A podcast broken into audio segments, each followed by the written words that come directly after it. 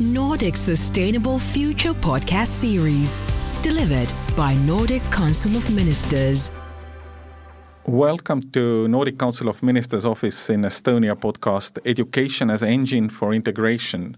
We are do doing this discussion in ahead of uh, October 24 conference in Tallinn, which is on the integration through education and the engagement of local actors. I have uh, three guests in the studio virtual studio today, and maybe we'll start off with a short round of introductions.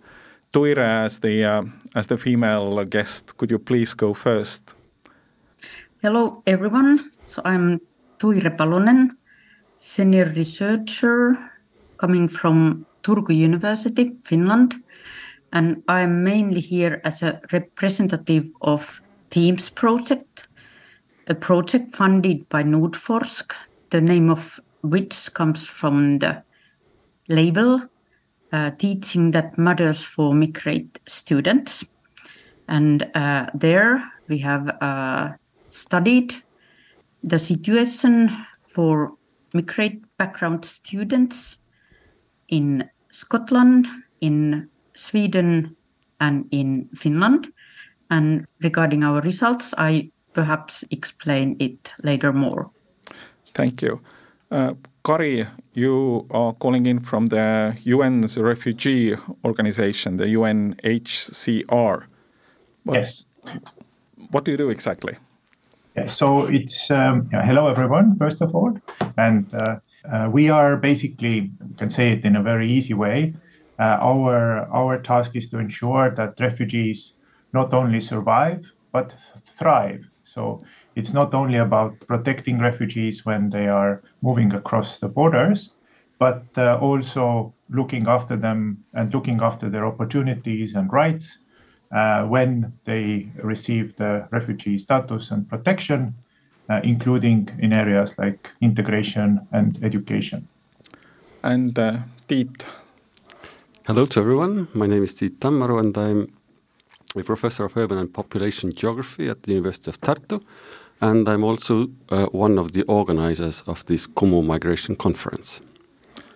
Thanks, everyone. Uh, let's start off with uh, probably the most burning uh, subject or topic of them all. The, uh, the amount of uh, refugees in the northern Europe, in Estonia, and in the neighboring countries has increased quite a lot over the last year and a half since the Russia attacked Ukraine. Um, how are we dealing with this problem? Is it something special? Is it is it like the refugee situations everywhere else? Is maybe Kari, you could give a you know to introduce a small perspective from the kind of global pers global perspective on this uh, issue. Sure. Um, we like to say that of course refugees are refugees, no matter where they come from, uh, no matter who they are, uh, no matter where they end up in. Uh, of course, the refugees from Ukraine uh, are not exactly the same because, of course, all refugee situations have certain peculiarities. It is one of the biggest uh, refugee movements, if not the biggest, uh, since the Second World War. Uh, so the numbers are really extraordinary uh, millions and millions of uh, people displaced uh, internally mostly, but also externally. And this is really a global issue, also, the Ukraine refugee situation there are uh, more than 1 million Ukrainian refugees who are not in Europe, who are actually in Canada, in the US, in other countries. So this is a, a, a global uh, refugee uh, situation with uh, with uh, with very many people displaced uh, from their communities. But the overall number of refugees all over the world is is becoming higher and higher. higher. Every year we have to mark this very sad number. So now it's uh, more than 110 million uh, people who are displaced. So this includes those who are displaced uh, within their own uh, country borders, uh, but also who, those who become refugees when they cross uh, from out from their country to another country to find safety. And this is only these 110 million plus are only those who are fleeing conflicts, persecution, and wars it's very important to note these are not people who fly because of climate change or to find better economic uh, opportunities. these are just people who are forced out of their homes because of conflict. Tuire or Tiit, you want to add? Yeah.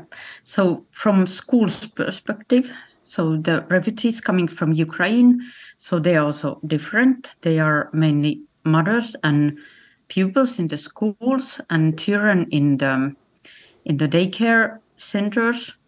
And uh, to us in Teams project, it it seems that that uh, Finnish schools and Swedish schools have more like um, had discussion over this topic, whereas in Scotland it is sort of like more diverse uh, people coming from from uh, many other other countries as as well. Uh, in Finland and in Sweden, because it is so different and they come so near, and they maybe have teachers with them. Uh, they they have uh, settled down in some rural areas, opposite uh, to uh, earlier waves uh, when cities have been in focus, and this has been because they have had these earlier ties to our farms and and such, so that in in many ways, although Kari said that they are all same, so yes, they are all same, but it looks different. They are all equal. Uh, uh, they are all well valuable, but but of course it looks different than than the the earlier waves. Also, probably from Finland and Sweden, I think the biggest first waves of uh, refugees came from Chile, and then you have had the refugee waves coming from Africa. The Ukrainians uh, are already there in the country. I mean, the, the, same for Estonia. Actually, we have a lot had a lot of Ukrainians before here, so there was a local diaspora before the uh, the beginning of this uh, war. It's probably very different also in Estonia. Yeah, exactly. And from the Estonian perspective, of course, the thing to mention is that it's the, it's the first major refugee flow that we are uh, facing with uh, the 2015 European refugee crisis. Uh, did not uh, touch too much Estonia. The numbers were very small, but this time these are really, really important figures.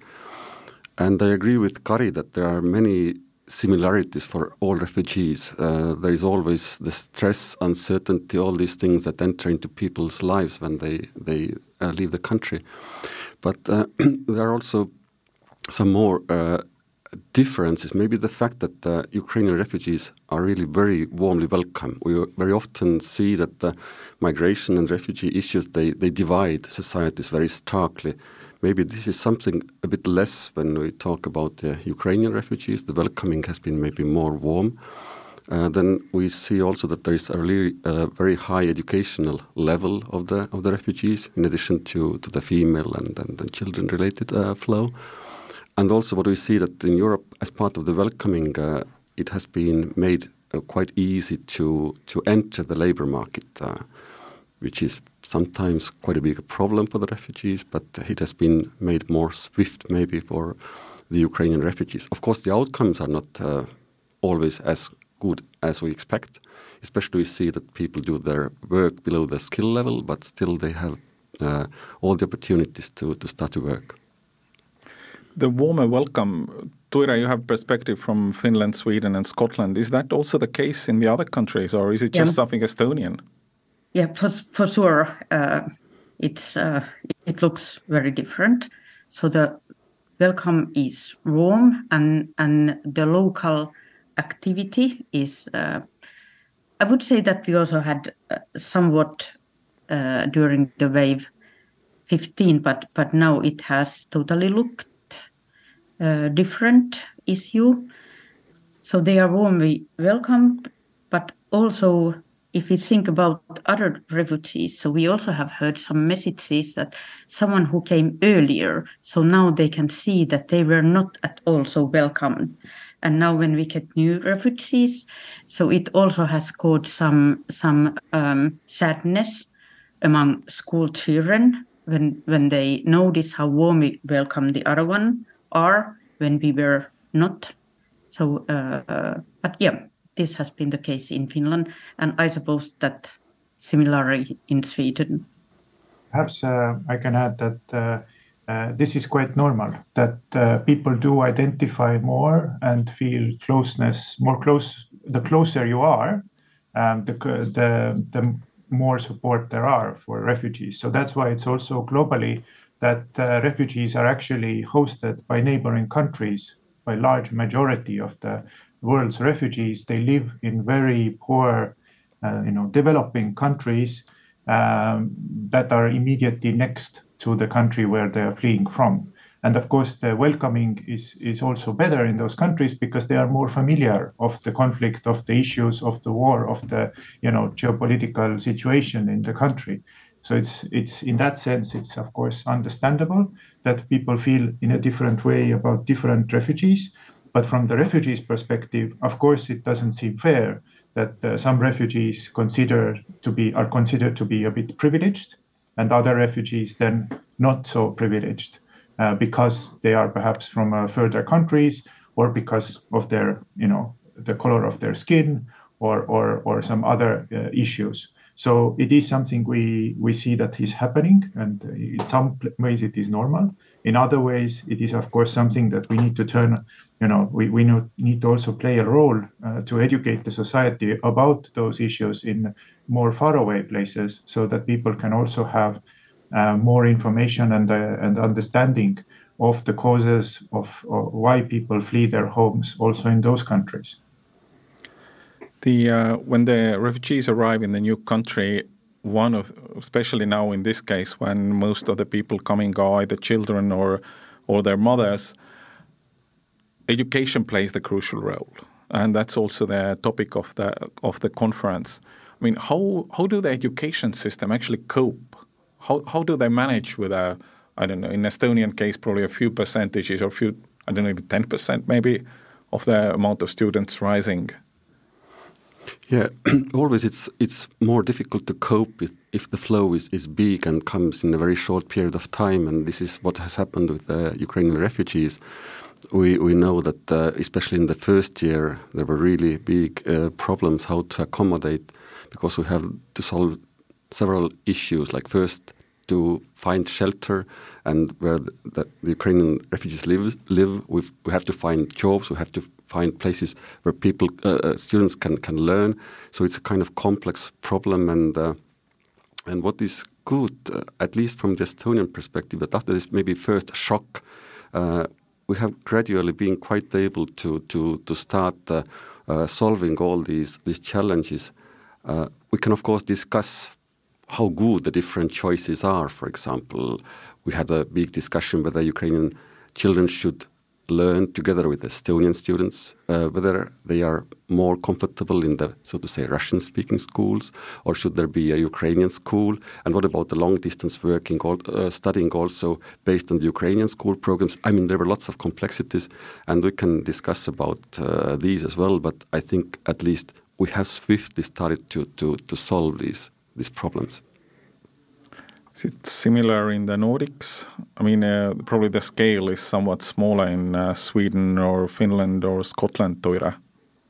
Yeah, yeah, but but uh, for sure, in in Finland, the, the group of, of students is is uh, very big. I don't know exact uh, numbers from from this this autumn, but it clearly is big and and um, caused by many circumstances. So the uh, Ukraine students are very often in one geographical area. They are located to certain schools, so it means it is also different. So then, then we have, if there are Ukraine students, so then there are many of them, and, and this have has many influence.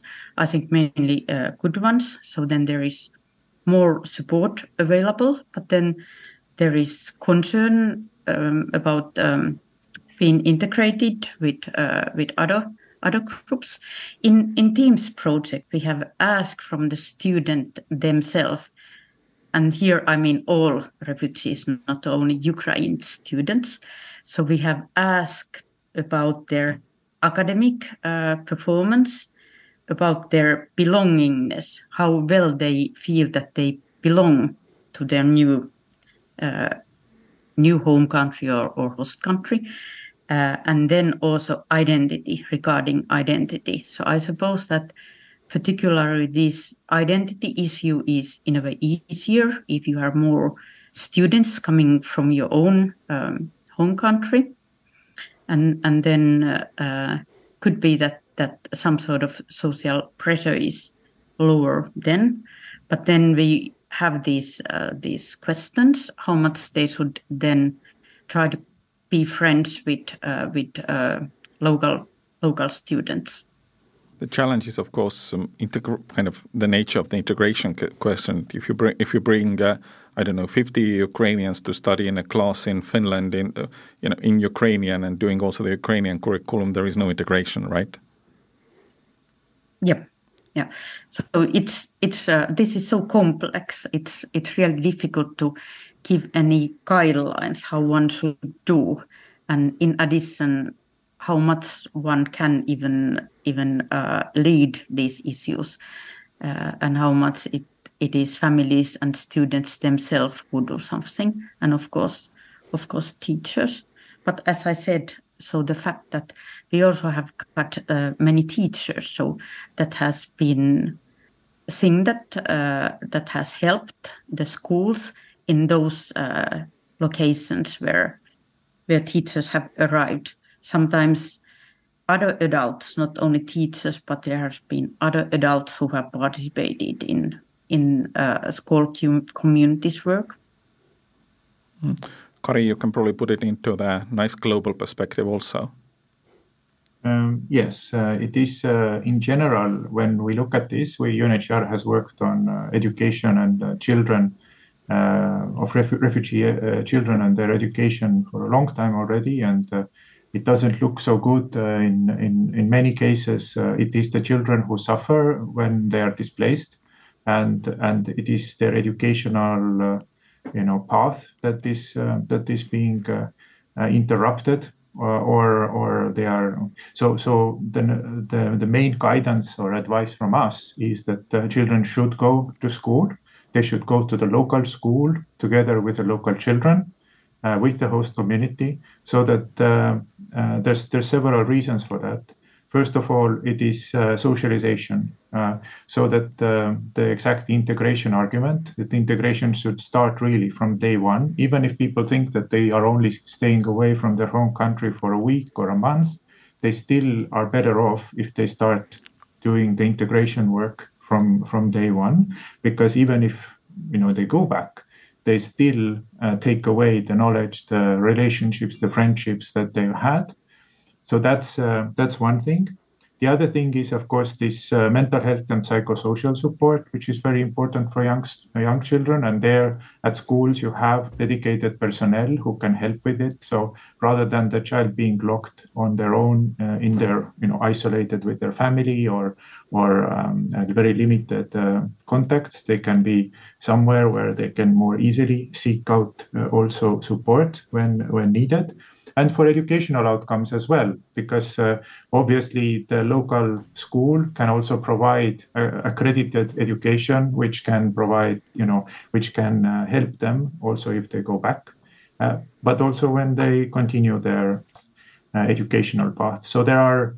Uh, UNHCR has done many studies, including, for example, with the Syrian schools in, in Turkey, where it was very clear that having separate schools for refugees is not good for anyone. It's a lose-lose for the host community, for the refugees, for for everyone involved. So our our uh, our guidance there is very clear that we uh, recommend everyone, the parents, the students, the state, uh, the municipalities, the schools, that refugee children should, as soon as possible, enter the local uh, educational system uh, uh, with the same uh, in the same classroom with the same students as locals.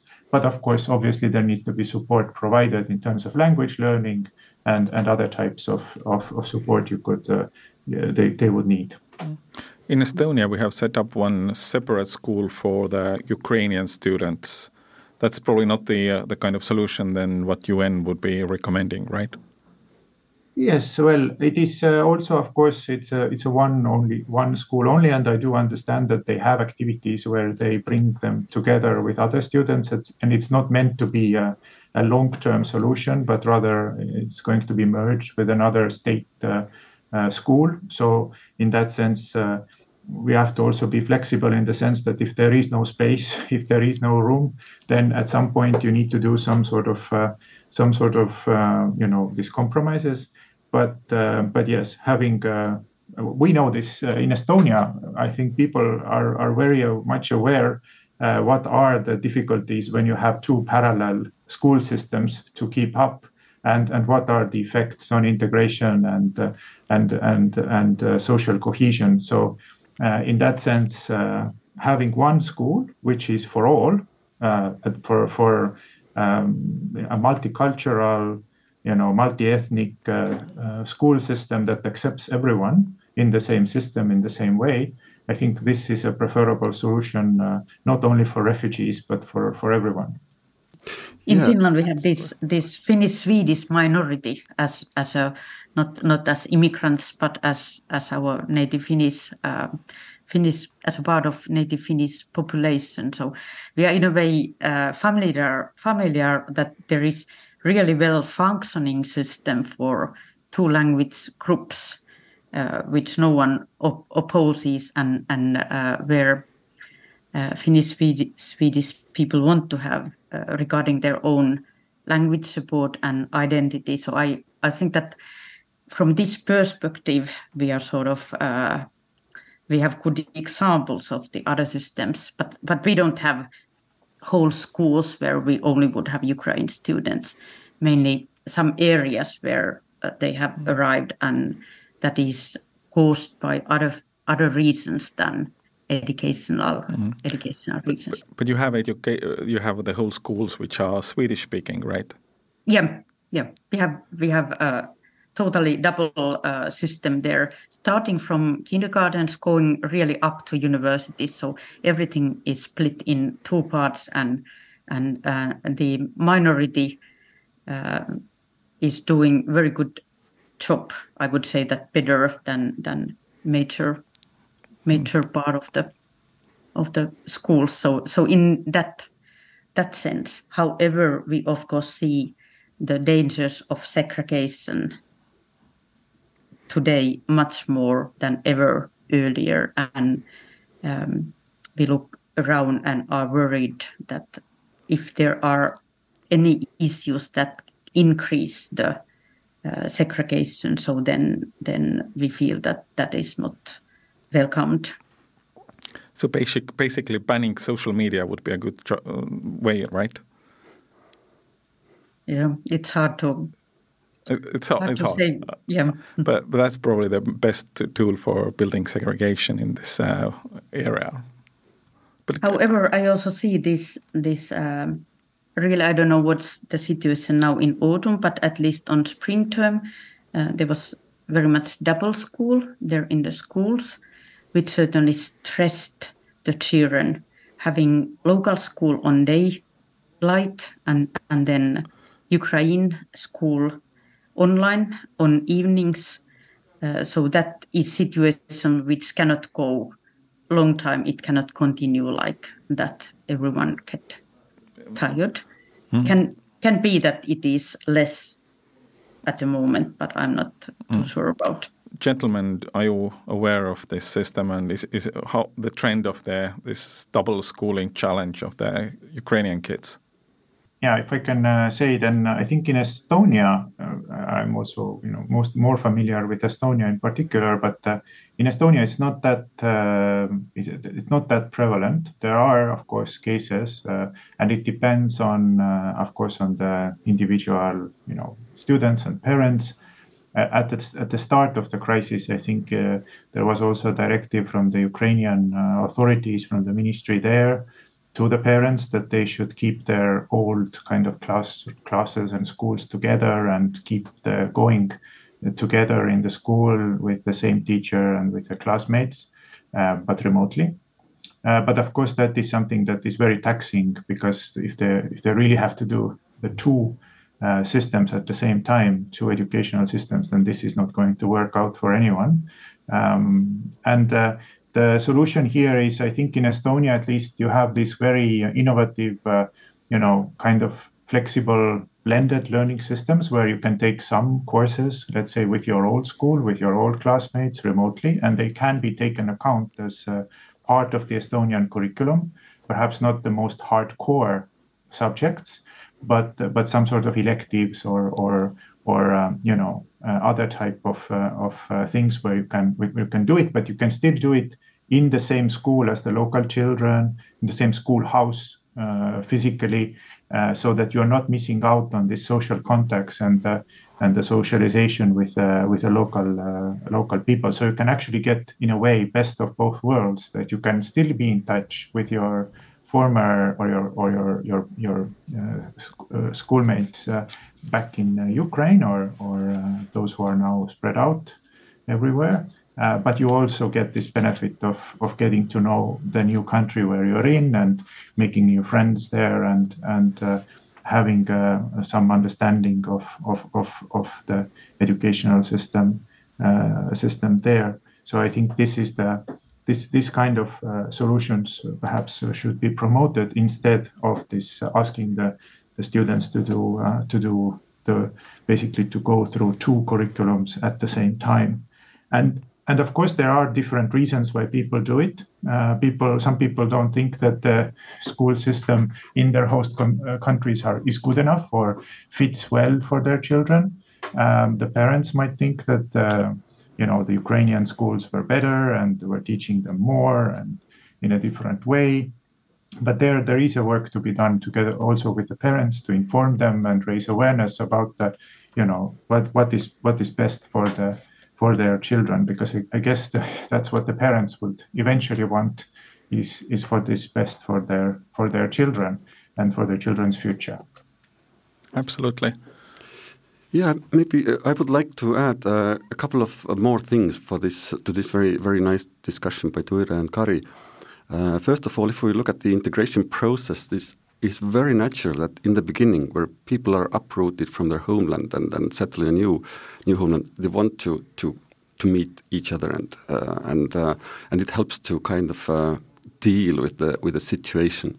So the research shows that in the beginning it is good to have this kind of more close contacts with the community, but also we see that in the long term this starts to work against. That's why why Kari also expressed that it's so important to, to start to, to, to mix uh, Ukrainian students with Estonians.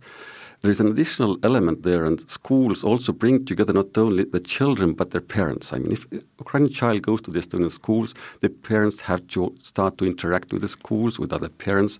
So we, we know that also schools, through children, also help to, to integrate uh, also the, the parents and get into the contact and maybe find a job uh, through this context. Uh, what also is maybe important to stress that we don't, although we talk about integration, of course, Ukrainian states want to get their, their people back. And all the research on return migration shows that it's crucial to maintain contacts. So if the contacts with the homeland remain, the probability to return are higher. If they are cut off, uh, people stay. And therefore, I think it's, it's good if we still, as Kari also explained, um, kind of benefit from these uh, distance learning models, maybe not the double uh, degree, so to say, but, but these different various distance learning models. And we have to understand that schools in Ukraine, they still are mainly on the uh, distance learning mode. I mean, uh, many schools are destroyed and, and uh, it's not possible to, to be on site all the time. So there is a lot of development in the long distance learning and, and to have uh, Ukrainian children who are now scattered all around Europe or, or, or, the world to, to be linked with their previous schools, with their previous schoolmates, with their previous friends. I think it's, it's absolutely crucial for their return migration. Hmm. The, uh, the interesting point you raised about the, the school being the kind of, I don't know, the integration hub for the whole family. Um, it's probably not in the, I don't know, the, the plan or the, the, what the school has to do written by the government be, be the integration hub, but it's probably something which has been quite natural for many of the schools. Exactly, and very often the schools are like, especially in smaller places, they are like the, the centers of the whole local communities where a lot of social interaction takes place. So they are, yeah, they have many many formal education related like roles and functions, but they have much broader uh, societal and and, and uh, interaction and communication roles in society. Is it similar in the Northern Europe, Tuire? Mm, yeah, I, I believe that at about it is difficult to get the whole whole picture of uh, of uh, this all.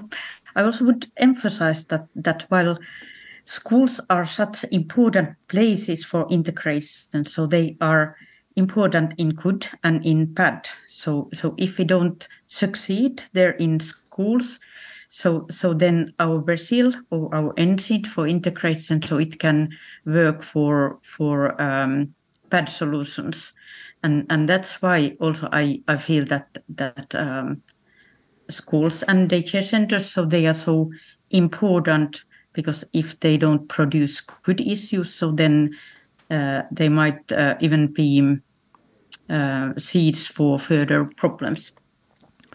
Uh, you're one of the organizers of the conference on October 24. What's the mission? What do you want to reach with that conference? The mission, I think, first of all, is, is to understand what, what is the, the kind of context uh, of the current situation. And uh, I think, uh, as we have maybe discussed a, bit, uh, a lot, the integration issue is, is really a key. And, uh, and we had to kind of learn from this Nordic context that integration really has to start from one day one and, and to put all these school choices into this perspective as well. For example, whether we should have a different and separate school for the Ukrainian kids or, or should we integrate them more and, and to kind of learn uh, from these Nordic experiences as well, uh, who have dealt with refugees for, for really decades. And for us, it's, it's, uh, it's the first time. What about the this um, challenge of the kind of the different curriculums? That's probably uh, you know I'm I'm not the education expert, but I can imagine it's not an easy thing to solve for anyone. Absolutely, and uh, the school systems have different strengths and weaknesses in different countries, and uh, and uh, it's it's very very difficult to to to find really the uh, the good solution for absolutely everyone. But I think it it should this we need these forums to to kind of understand as Kari said, on the one hand, all the refugee situations are quite universal, but there are always these kind of very specific uh, uh, elements as well, and, and to kind of understand more and more. And, and what is very important that we just don't try to solve it uh, ourselves. Integration is always a, a two-way process, and we, we want to bring also the, the voices of the Ukrainian refugees themselves to the conference as well to, to really understand better how to how to solve all these uh, complex challenges. Um, if I can say that, uh, I think uh, looking at, uh, you know, I come from the UNHCR office, which is here in Stockholm, and, and we are covering also the Nordics. Uh, and I have to say that when it comes to refugees from Ukraine, I have to say that, that the Baltics have actually done perhaps even better than the Nordics in some respects.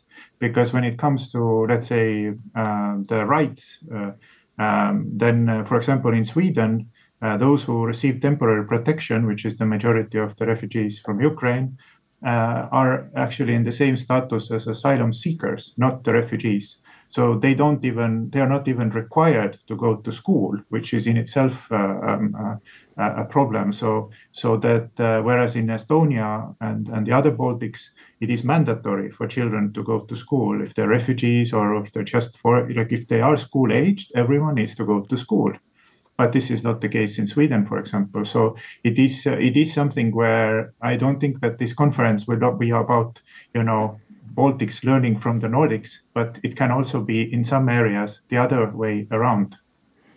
And for sure, we are going to need some more information. So now, when one year has been passed for many refugees who have arrived, so then this this if there have been any one year rule uh, concerning the refugees so then the situation uh, can be changing or has already changed when the war has taken a longer time and this at first one year was quite long time so now it it already has has gone and and uh, there probably are new situations which must be solved.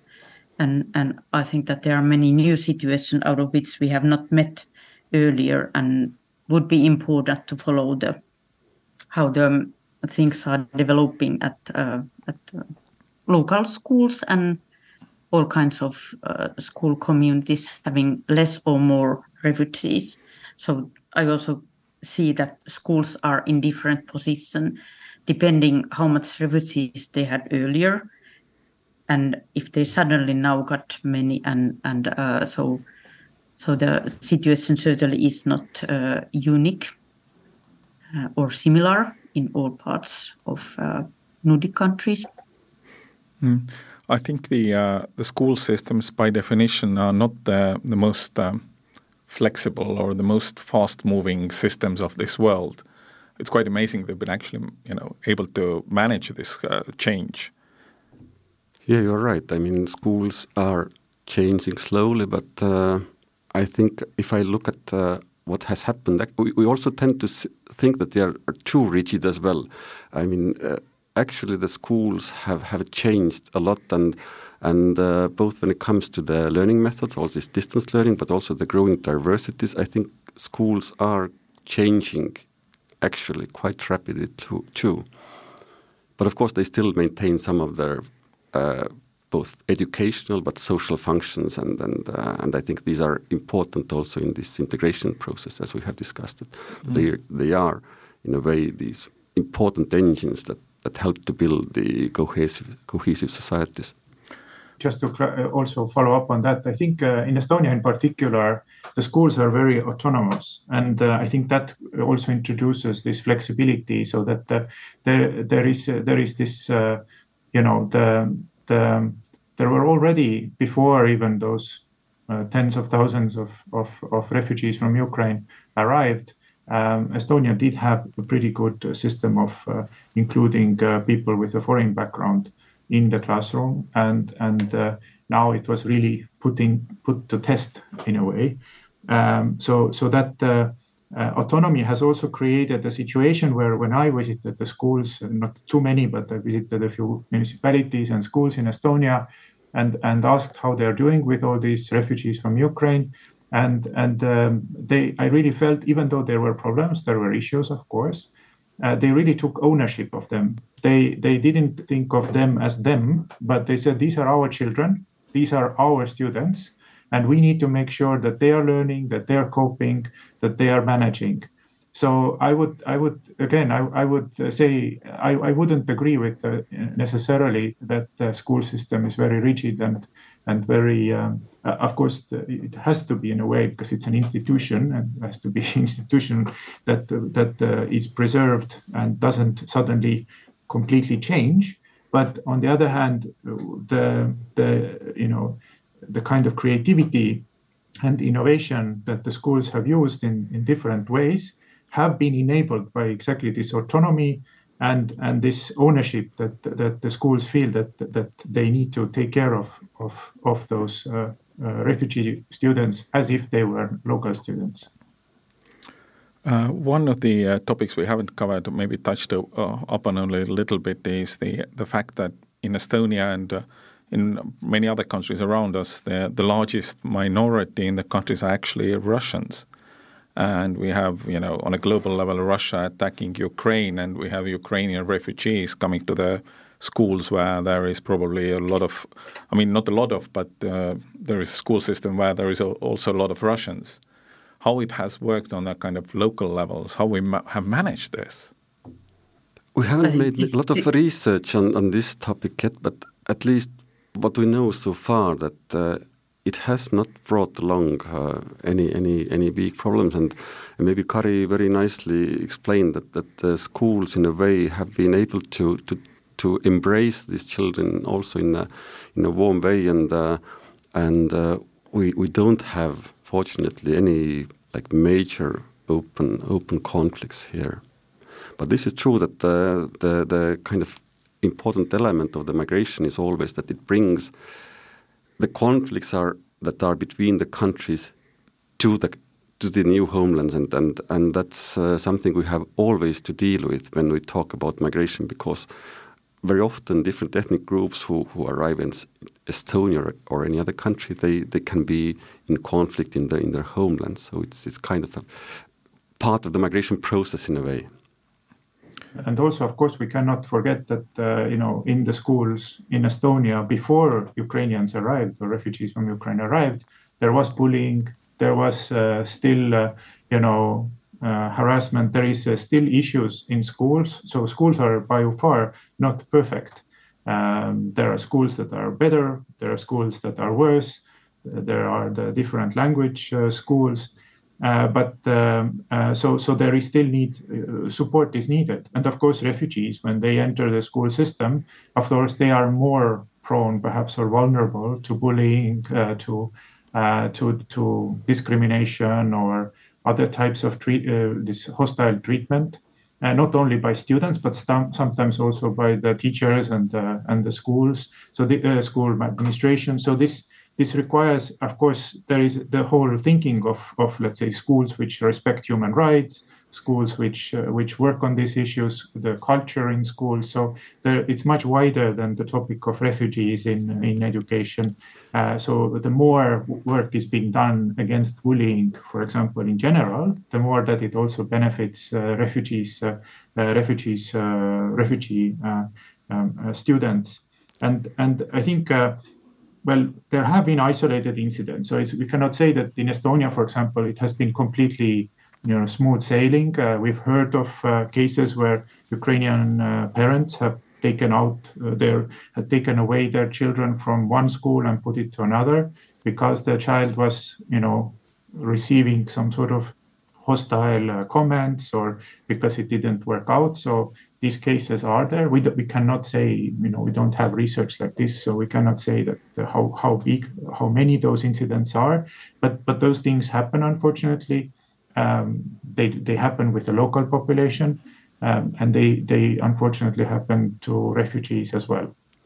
But the good context is that uh, Estonian schools for years have actually already systematically worked with the bullying uh, topic. I think it has been very up on the agenda in the schools, and maybe that helped now to to deal with the mm. refugee situation as well. Mm. Tuire, you had a good example of this uh, topic also. Oh, I have forgotten what it is, but but I have an example that that uh, Russian language has been sort of a bridge to to integration, so that that those the the smaller, the younger kids, so then maybe the more open for discussion between Ukraine and and Russian students. If you compare the situation. Uh, in first grade, for example, to situation where we have young males who have is, escaped from the countries which are in war against each other. So we have sort of different kind of story to tell here, where a language also can uh, connect those children who get help with their own mother tongue, or at least with a um, language that is familiar for them. And this has been both in Finland and in Sweden. So we have not heard that much messages from hostile uh, communication, but mm. I would say rather opposite. I think the Russian minorities in Finland and Sweden are much, much, much smaller than in Estonia or Latvia or yeah, yeah. they are smaller and and uh, the um, relationship is certainly different. Cannot be compared, I would say. They're probably more integrated. While in Estonia, we have a little bit of that two country system here inside the one small country.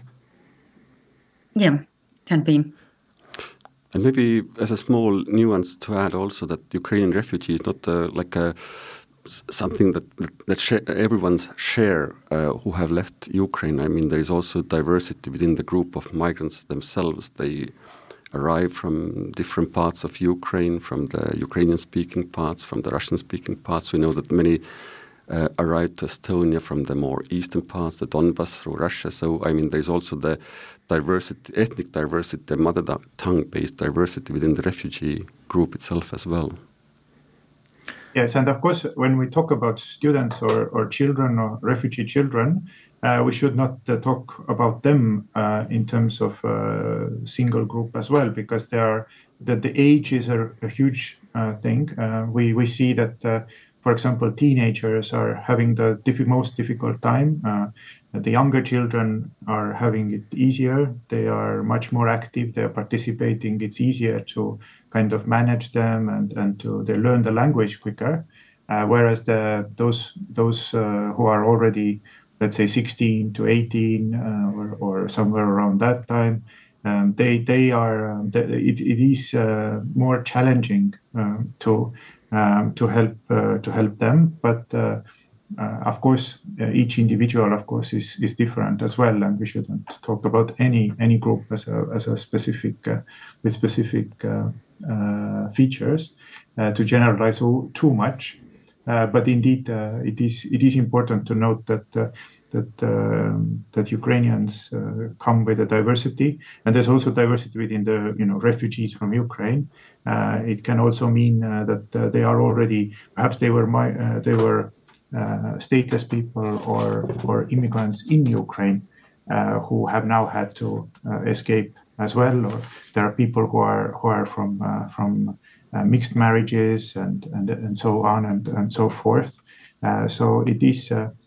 but I would like to say, what, I think one thing is that uh, when when I, I, was I had a chance uh, to to hear uh, an Estonian ministry official to talk about this situation uh, once at a meeting, uh, and uh, she said that she was kind of of course she's appalled by the war and the whole displacement is is terrible, but perhaps a silver lining is that now you know the Estonian schools can really put into practice what they have you know rehearsed or what they have had the strategies and plans for a long time because for a long time the schools had a very few uh, children who are coming with a foreign backgrounds to the school system so it might be one or two or three uh, but now you suddenly might have in uh, some schools a half of classroom or a quarter of the classroom uh, and, and that creates uh, a, a, new challenge, and, and, and the schools need to rise up to it. Good. Uh, I think uh, this is a good point to wrap the discussion today. Uh, discussion continues on October 24 in uh, Kumu Art Museum at the conference on the integration and the education. You can find more information about it at uh, norden.ee homepage and uh, see you all there. Thank you to the guests. Thank you. Thank you. Thank you very much. Thank you.